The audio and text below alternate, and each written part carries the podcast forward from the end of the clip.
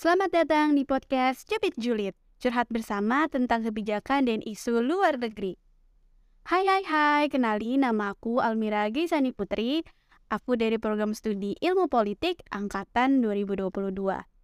Di episode podcast kita kali ini, kita akan ngebahas topik yang sangat menarik, yaitu tentang representasi dan tantangan perempuan di dunia politik. Tentunya aku di sini tuh nggak sendiri, aku bersama dua narasumber nih yang kece-kece. Kita kenalan dulu kali ya sama narasumber kita kali ini. Yang pertama ada Kak David. Halo semuanya, gue David, gue mahasiswa HI angkatan 21. Di sini gue akan jadi pengisi dari podcast Cubit Julid terkait representasi dan tantangan perempuan di dunia politik. Hai Kak David. Dan yang kedua nih ada Kak Hanum. Halo semua, gue Hanum Aila dari Hubungan Internasional Angkatan 2021. Di sini gue berkesempatan untuk jadi pengisi kedua. Hai Kak Hanum. Aku nggak lupa untuk ingetin kalian untuk follow podcast Cubit Julid di Spotify dan follow juga akun Instagram at fpci.upnvj untuk info dan konten menarik lainnya. Nah, daripada basa-basi kelamaan, kita masuk ke topiknya aja kali ya.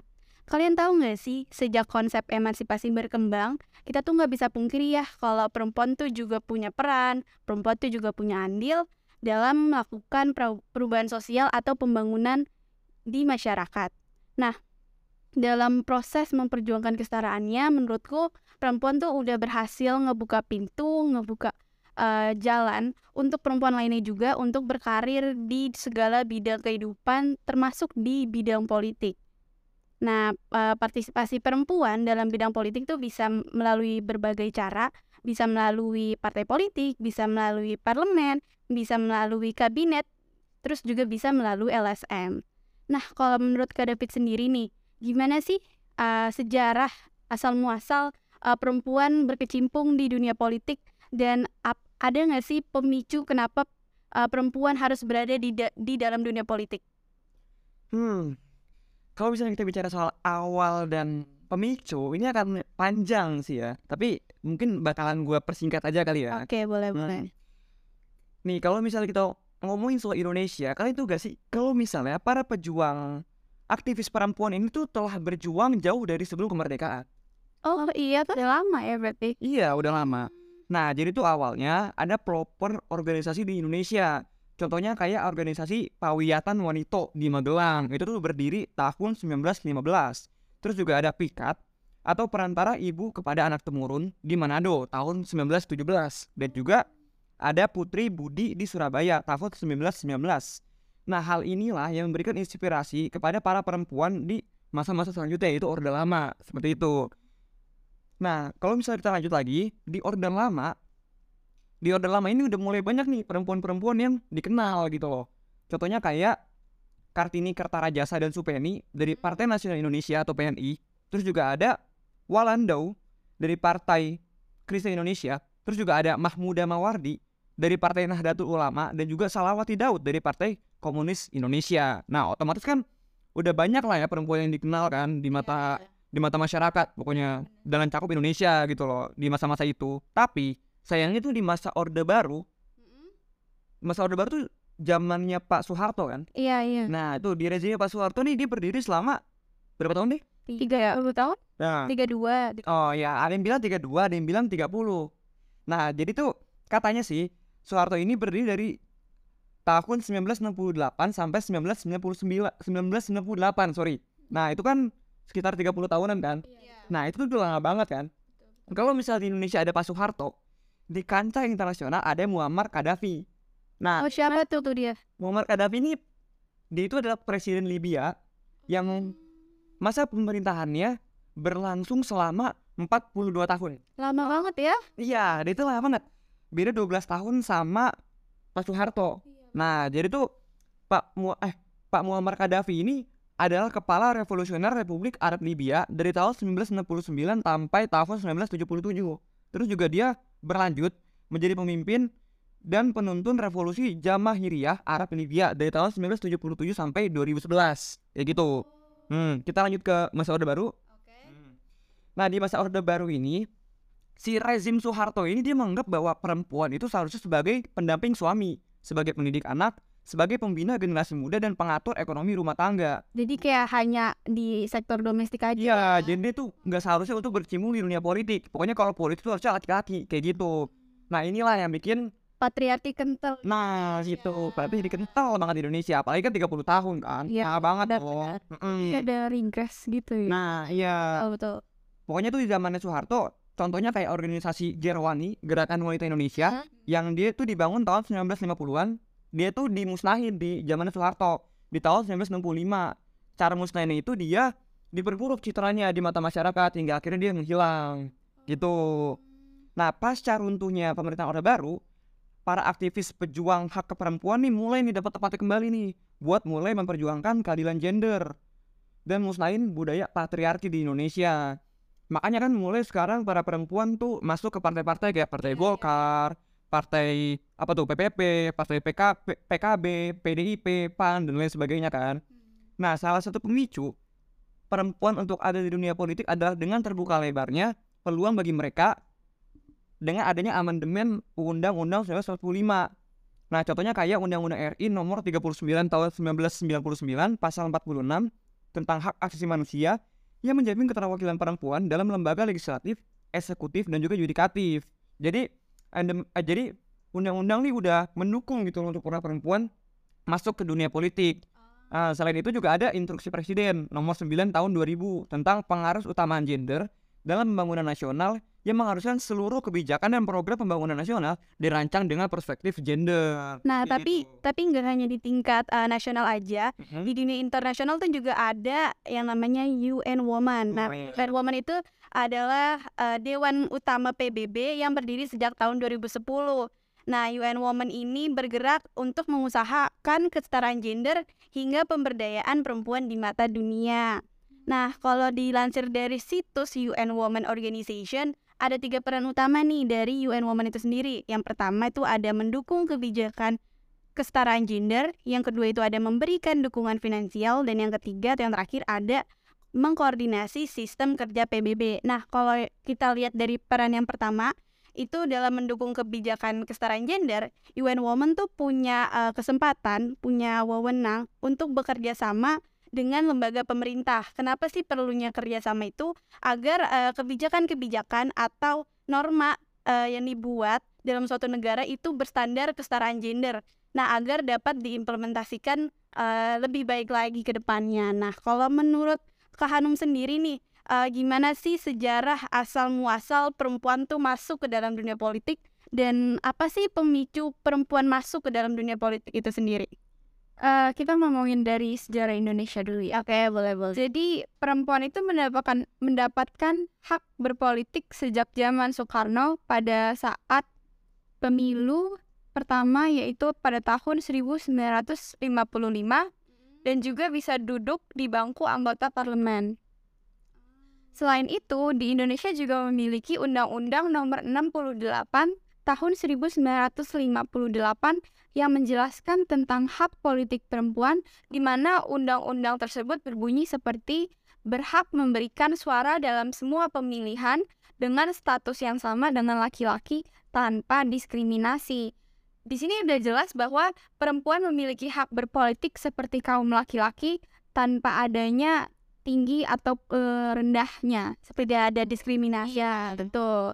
Nah, hak berpolitik untuk perempuan juga sudah disebutkan dalam Undang-Undang RI nomor 39 tahun 1999 tentang hak asasi manusia di mana pada pasal 3 ayat 1 yang berbunyi setiap orang dilahirkan bebas dengan harkat dan martabat manusia yang sama dan sederajat.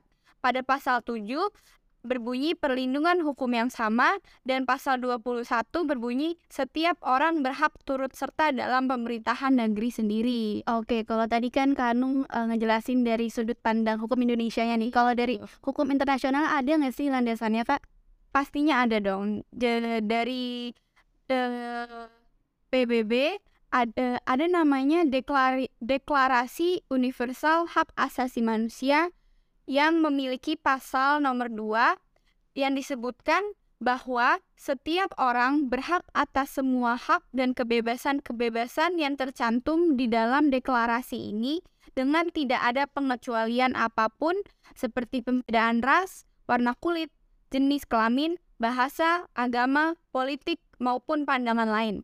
Selanjutnya, tidak tidak ada tidak akan diadakan pembedaan atas dasar kedudukan politik, hukum, atau kedudukan internasional dari negara atau daerah dari mana seseorang berasal.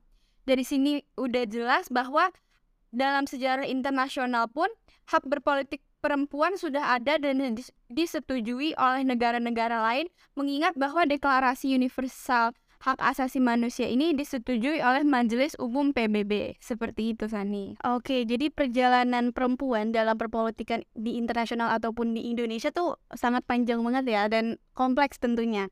Nah, yang tadi udah dijelasin sama Kak David dimulai darinya berdirinya organisasi-organisasi perempuan seperti Pawiyatan Wanito, ada juga Pikat, ada Putri Budi. Lalu tuh uh, perempuan mulai masuk ke partai-partai politik seperti Partai PNI, ada Partai Parkindo dan juga Partai P PKI. Terus pas masa Orde Baru nih sedihnya uh, organisasi perempuan tuh uh, dicoba untuk dilenyapkan, dimusnahkan. Nah, terus akhirnya pada masa reformasi hingga saat ini perempuan tuh juga mulai tertarik nih untuk masuk-masuk uh, ke dalam dunia politik khususnya uh, melalui partai-partai politik yaitu melalui Partai Golkar, Partai PPP, Partai PKB, PAN dan masih banyak lagi tentunya. Nah, uh, hal itu juga dipicu karena adanya kebijakan uh, yang menjamin yang melindungi perempuan uh, untuk berpartisipasi untuk berkontribusi di dalam dunia politik itu sendiri. Nah kita juga nggak lu nggak lupa ya kalau ada peran aktivis nih di dalamnya yang selalu semangat untuk menyuarakan hak-hak yang harus didapatkan oleh perempuan itu sendiri. Nah tapi nih uh, pada kenyataannya kalau aku merujuk dari ke data Kementerian PPPA mengatakan bahwa angka terwakilan perempuan di parlemen itu masih rendah, yaitu sekitar 20,8 persen berdasarkan hasil pemilu di tahun 2019 kemarin. Nah, uh, rendahnya partisipasi perempuan itu bisa membuat uh, perempuan rentan uh, terhadap berbagai bentuk manipulasi politik, terus hingga juga rentan terhadap menjadi alat legitimasi. Nah, selain itu pastinya perempuan sendiri mengalami tantangan-tantangan uh, dalam berkecimpung di dunia politik ya kan. Kalau menurut Kak David nih, ada nggak sih tantangan yang dialami oleh kaum perempuan saat berkecimpung di dunia politik? Apakah karena faktor patriarki atau ada faktor yang lainnya nih kak? Hmm oke okay, oke. Okay. Kita ambil data dulu aja kali ya. Oke. Okay. Nih dari data Kemenko PMK tahun 2021 katanya sih partisipasi perempuan Indonesia di dunia politik masih di bawah 30 persen kayak yang udah tadi saya bilang yeah. di pemilu tahun 2019 mm-hmm. nah partisipasi perempuan kan 20,8 persen. nah itu kan kecil banget kan? Yeah. nah itu di bawah 30 persen tuh. Yang katanya tuh harusnya minimal 30 persen untuk bisa berkontribusi dan berpartisipasi secara aktif di parlemen agar bisa mengikis gender dalam politik. Harusnya 30 persen. Minimal ya. Mm, itu masih kurang kan? Nah jika kita membicarakan soal tantangan. Nah sudah jelas bagi perempuan bagi perempuan itu sendiri isu gender sangat sensitif dan itulah yang menjadi tantangan utama bagi para pejuang politisi perempuan dan aktivis perempuan untuk meraih hak keadilan dan kesejahteraan gender di dunia. Kenapa? Karena pada saat ini patriarki dan maskulinitas di dunia politik sudah sangat-sangat kental gitu loh. Iya, iya. Nah, dunia politik itu memandang laki-laki sebagai sosok yang seharusnya berkecimpung di dunia politik. Selain itu juga, kurangnya representasi perempuan di dunia politik juga menjadi tantangan yang hadir bagi para perempuan di dunia politik seperti itu. Tapi di Indonesia udah mulai ada upaya nih, upaya untuk mendorong para perempuan untuk bisa masuk ke dunia politik, yaitu upaya yang didorong oleh Deputi Bidang Koordinasi Peningkatan Kualitas Anak, Perempuan dan Pemuda Kemenko PMK, yaitu Ibu Femi Eka Kartika Putri yang mendorong melalui Grand Design Peningkatan Keterwakilan Perempuan. Isi Grand Design itu apa sih kak? Nah, Grand Design itu uh, ada dua sebenarnya metodenya. Nah, yang pertama itu kan berbasis pendidikan politik yang membuat perempuan itu bisa terlibat dan berperan aktif dalam kepengurusan partai dan pemilu sebagai calon anggota legislatif. Jadi perempuan nih dikasih peluang nih buat bisa masuk ke partai politik, juga bisa masuk ke departemen-departemen lembaga legislatif. Kesempatan hmm. ya. Yang kedua ada berbasis sosialisasi yang dilakukan oleh kementerian atau lembaga mengenai pentingnya peran perempuan di parlemen melalui berbagai macam saluran komunikasi yang tersedia gitu. Oke, kalau menurut Kak Hanum sendiri nih, gimana sih tantangan-tantangan yang dialami perempuan dalam berkecimpung di dunia politik apakah karena patriarki saja atau ada faktor yang lainnya nih kak kalau menurut kalian gimana Kalau menurut gue ya, eh, da- tantangan yang dimiliki perempuan itu faktor paling besar tuh bener adanya patriarki. Eh, di dunia politik sendiri sebenarnya memang banyak kemenangan signifikan dari partis- partisipasi perempuan itu tersendiri. Tapi mereka masih menghadapi skeptisme, ejekan, objektifikasi ketika memasuki medan politik. Ini merupakan sebuah manifestasi dari patriarki yang tidak am- aman, tersentuh oleh gagasan perempuan mengambil tempat mereka sebagai pemimpin. Jadi masih banyak laki-laki yang merasa bahwa adanya perempuan dalam dunia politik eh, mengintimid- mengintimidasi mereka dan mengambil tempat mereka. kayak ngerasa terancam gitu ya Betul. Nah, selain itu ada tantangan masalah pendanaan di mana setiap pengamat yang pragmatis akan mengakui bahwa melawan pemilu itu eh, butuh eh, proposisi yang mahal. Dengan skeptisme-skeptisme yang ada dalam politisi perempuan, ini menjadi hal yang krusial untuk mereka dan membuat partai politik lain enggan memberikan dana terhadap perempuan yang ingin berpartisipasi di dalam politik. Nah, selanjutnya juga ada menurut Women Research Institute di mana mereka menyimpulkan bahwa ada beberapa hambatan yang membuat perempuan sulit bersaing dengan laki-laki dalam berpolitik. apa aja tuh kehambatannya Nah, yang pertama itu perempuan kalah start dengan laki-laki dalam berpolitik.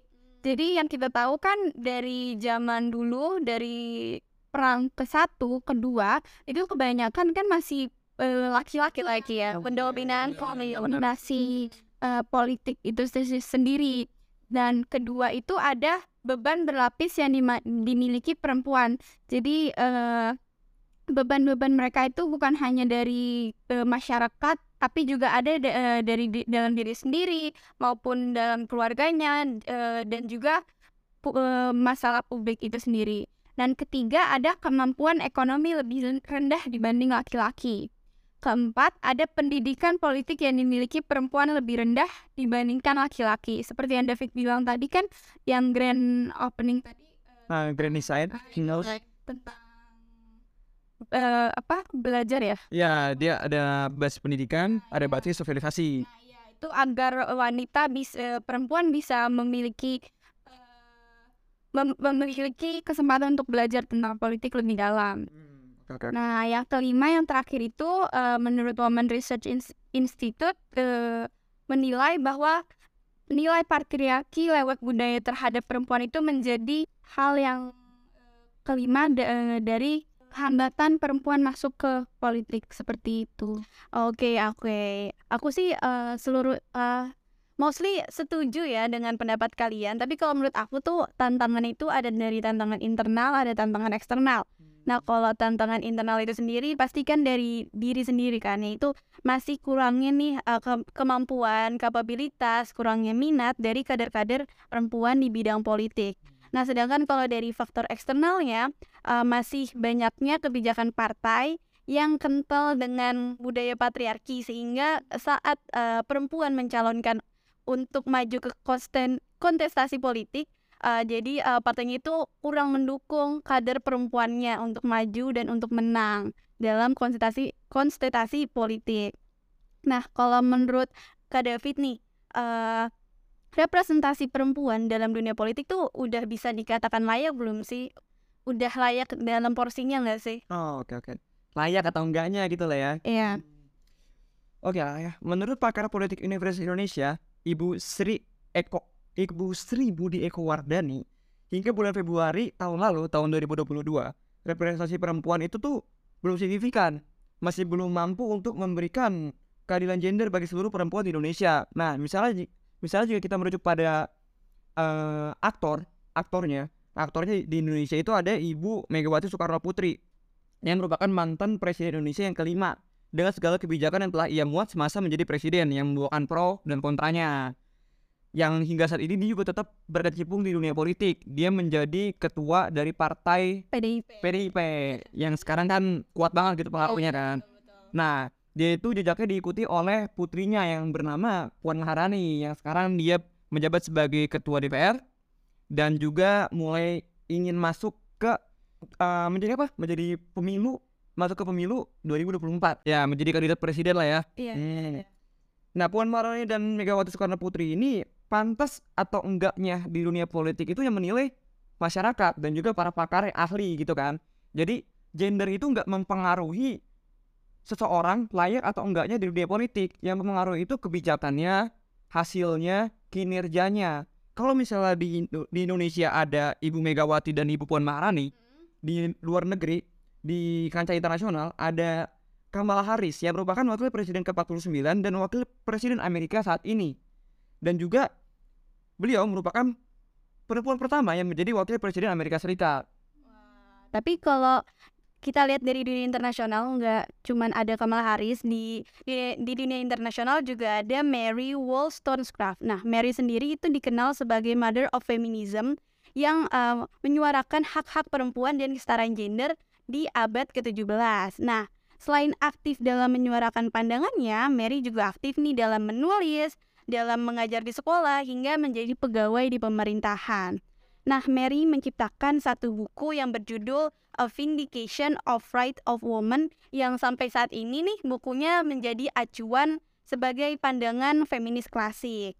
Nah, jadi uh, kalau bisa aku simpulin nih ya, uh, partisipasi perempuan dalam bidang politik itu punya tujuan yang baik ya, khususnya untuk negara-negara yang menganut uh, paham demokrasi, ya, untuk uh, menjalankan demokrasi, menjalankan tatanan demokrasi yang baik. Nah, kalau menurut Kak Hanum sendiri, uh, representasi perempuan di dunia politik tuh sudah bisa dikatakan layak belum sih?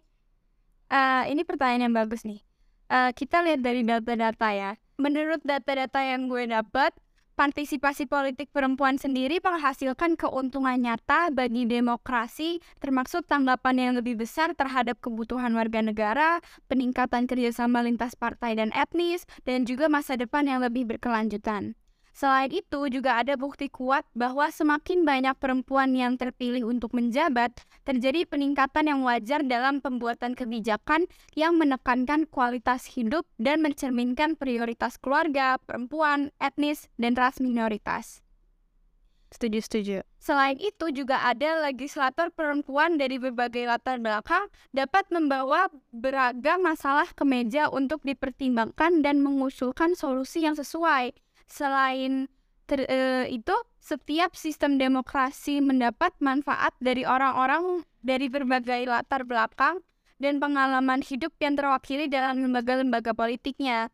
Jadi dari sini kita bisa paham bahwa peran politisi perempuan sangat dibutuhkan dan pantas untuk menjabat dan membantu negara mereka dalam melaksanakan politik. Nah, ada contoh politisi nggak sih Kak yang berhasil Tentu ada dong. Jadi uh, ini yang aku dapat contoh-contohnya itu kalau dari luar negeri, dari internasional ada presiden dari negara Yunani yaitu Katrina Sakelaropoulou.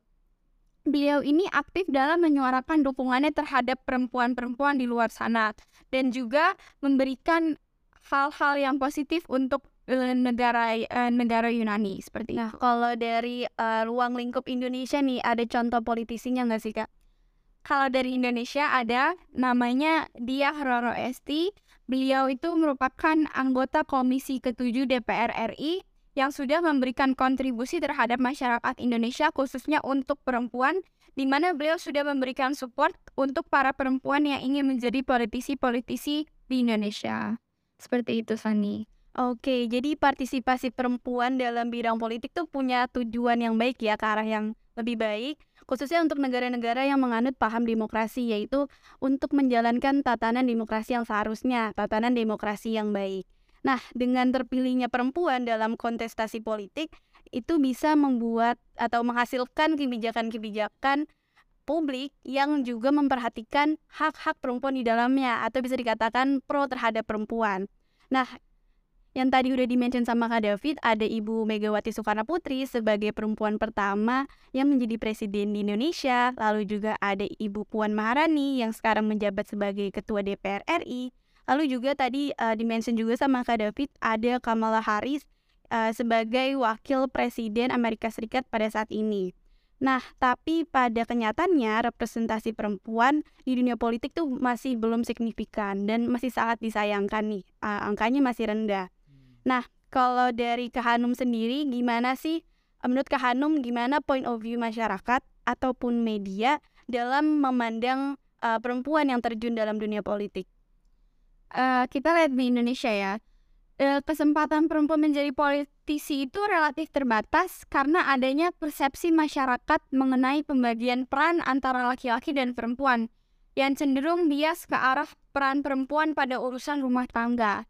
Ini menyebabkan kepercayaan diri dari perempuan-perempuan yang ingin masuk ke dalam dunia politik di Indonesia menjadi menurun dan memberikan dampak yang besar untuk representasi politisi perempuan di Indonesia. Setuju, setuju, setuju.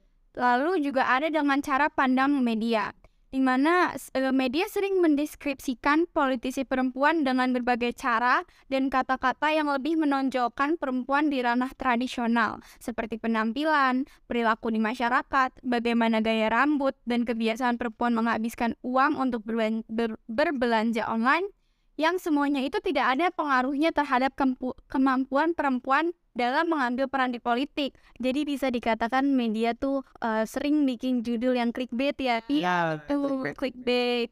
Nah, jadi ini tuh nggak bisa disangkalkan bahwa media memiliki pengaruh yang kuat terhadap pemilih dan perbedaan gender dalam liputan media dapat memiliki konsekuensi elektoral yang nyata. Setuju, setuju. Tidak hanya dapat menghalangi perempuan untuk terlibat dalam politik, tapi juga mencegah partai politik dan elit politik untuk memilih perempuan sebagai kandidat mereka. Seperti itu. Oke, kalau menurut Kak David sendiri, gimana sih uh, point of view masyarakat menilai atau memandang uh, perempuan yang terjun dalam dunia politik nih Kak? Hmm, kalau menurut gue sih ya, masyarakat tuh memandang perempuan sebagai seorang yang lemah dan tidak berdaya gitu loh. Karena jika kita melihat sejarah, Nah, patriarki dan maskulinitas nih udah gimana ya di peradaban manusia ini udah bener-bener kental banget kan kita kita bahas terus-terusan. Ya. Yang mana tuh laki-laki tuh lebih dianggap kuat, lebih dianggap superior di segala macam aspek bidang kehidupan dan salah satunya adalah bidang politik. Di kancah internasional terdapat perspektif feminis liberal. Nah, kalau boleh tahu feminis liberal itu apa tuh? Nah, feminis liberal ini adalah pandangan yang paling umum yang di dalamnya itu dijelaskan bahwa bahwasanya perempuan itu harus mandiri, dia itu harus independen dengan memiliki karir dan tidak bergantung pada laki-laki sama sekali gitu loh. Nah, yang kedua ada feminis marxisme atau sosialis. Yang mana perempuan sebagai ibu rumah tangga harus digaji karena tanpanya aktivitas produktif yang dilakukan oleh laki-laki tidak akan berjalan. Pada pandangan feminis marxisme ini, perempuan tuh kerap kali dieksploitasi. Setuju. Hmm, di, dieksploitasi itu karena kapitalisme. Nah, contohnya kayak industri pornografi. Hmm, itulah contohnya. Kalau misalnya kita lihat dari sudut pandang media, Nah, media ini kerap kali melaporkan berita yang mengunderestimate perempuan. Iya kan? Iya benar. Dengan memberikan judul yang tadi bisa dibilang seenaknya, ya clickbait seenaknya. Yang seharusnya kan misalnya di berita itu tuh perempuannya berprestasi gitu loh. Tapi bukannya menonjolkan prestasinya, bukannya menonjolkan isi dari berita tersebut, dia malah memberikan uh, judul-judul yang bisa dibilang senonoh gitu loh, nggak nggak nggak nggak nggak sesuai faktanya. Apalagi kan perempuan di sini kan udah dari dulu dipandangnya remeh, dipandangnya sebelah mata. Uh, pas dia punya prestasi, prestasi dia malah diremeh diremehkan. Nah, yang kayak gitu tuh nggak boleh seharusnya. Dan ini cuma demi untuk mendapatkan minat dan juga perhatian dari masyarakat untuk membaca berita yang dipublikasi. Hal inilah yang menjadi salah satu faktor perempuan dipandang remeh dan tidak berdaya di berbagai aspek kehidupan. Padahal nyatanya banyak sekali perempuan yang yang memiliki kapabilitas melebihi laki-laki. Setuju banget. Intinya kayak wanita atau perempuan tuh layak untuk diapresiasi ya kan. Betul, betul. Nah, uh, kalau bisa aku simpulin nih, stigma masyarakat itu menempatkan perempuan identik dengan sektor domestik aja. Nah, pandangan masyarakat terhadap perempuan tuh sering kali menilai perempuan itu bosi, tukang ngatur, uh, lemah, dan bergantung pada orang lain. Nah, pandangan-pandangan tersebut itu juga dianut dalam dunia politik yang mengakibatkan budaya patriarki mengakar nih di, di dunia perpolitikan. Nah, sampai saat ini mungkin keter, ketidakberdayaan yang dialami oleh perempuan itu berasal dari uh, rasa enggan perempuan untuk bersuara, uh, enggan untuk menobrak dan melawan belenggu dari patriarki sendiri. Alasannya itu bisa karena uh, perempuan tuh bingung harus mulai dari mana, atau perempuan layak gak sih untuk didengar? Nah, kalau kita lihat dari Mary sendiri, kita bisa belajar nih dari Mary uh, sesuatu tuh harus dimulai dari diri kita sendiri dulu, dari yang kecil dan pelan-pelan. Nah, itu juga bisa disebut upaya. Oleh karena itu, penting banget nih upaya untuk meningkatkan partisipasi politik perempuan agar setiap kebijakan publik yang ingin dibuat itu lebih substansial dan akomodatif tentunya ya kan. Nah, uh, upaya yang dapat dilakukan tuh bisa memberikan peran yang sama, kesempatan yang sama, atau bisa dikatakan seimbang antara laki-laki dan perempuan di dalam uh, di dalam dunia politik itu sendiri. Contohnya uh, bisa melalui keterlibatan langsung dengan cara memasukkan porsi yang setara, porsi yang seimbang antara laki-laki dan perempuan pada struktur di setiap partai politiknya. Oke, nggak kerasa ya kita udah ngejulitin banyak banget nih hari ini. Kita ngejulitin tentang uh, tadi sejarah uh, perempuan masuk dunia politik, lalu juga ada tantangan perempuan, representasi perempuan juga. Terus kita tadi juga ngebahas dari point of view masyarakat dan media. Oke, sebelum aku tutup, aku mau say thank you nih untuk narasumber kita kali ini yang sudah meluangkan waktunya untuk sharing-sharing, untuk ngasih pendapat di episode podcast kita kali ini. Thank you Kak Davi, thank you Kak Hanu. Sama-sama. Thank you Sani. Oke, terus juga aku mengucapkan terima kasih untuk kalian yang sudah mendengarkan, yang sudah duduk anteng dengerin kita ngejulit tentang representasi dan tantangan perempuan di dunia politik. Semoga obrolan kita kali ini bisa menjadi insight baru, bisa jadi pengetahuan baru untuk kita sendiri dan juga untuk kalian tentunya. Mohon maaf jika ada salah kata dan salah salah kalimat. Sampai jumpa di episode podcast Stupid selanjutnya. Bye-bye. Bye-bye.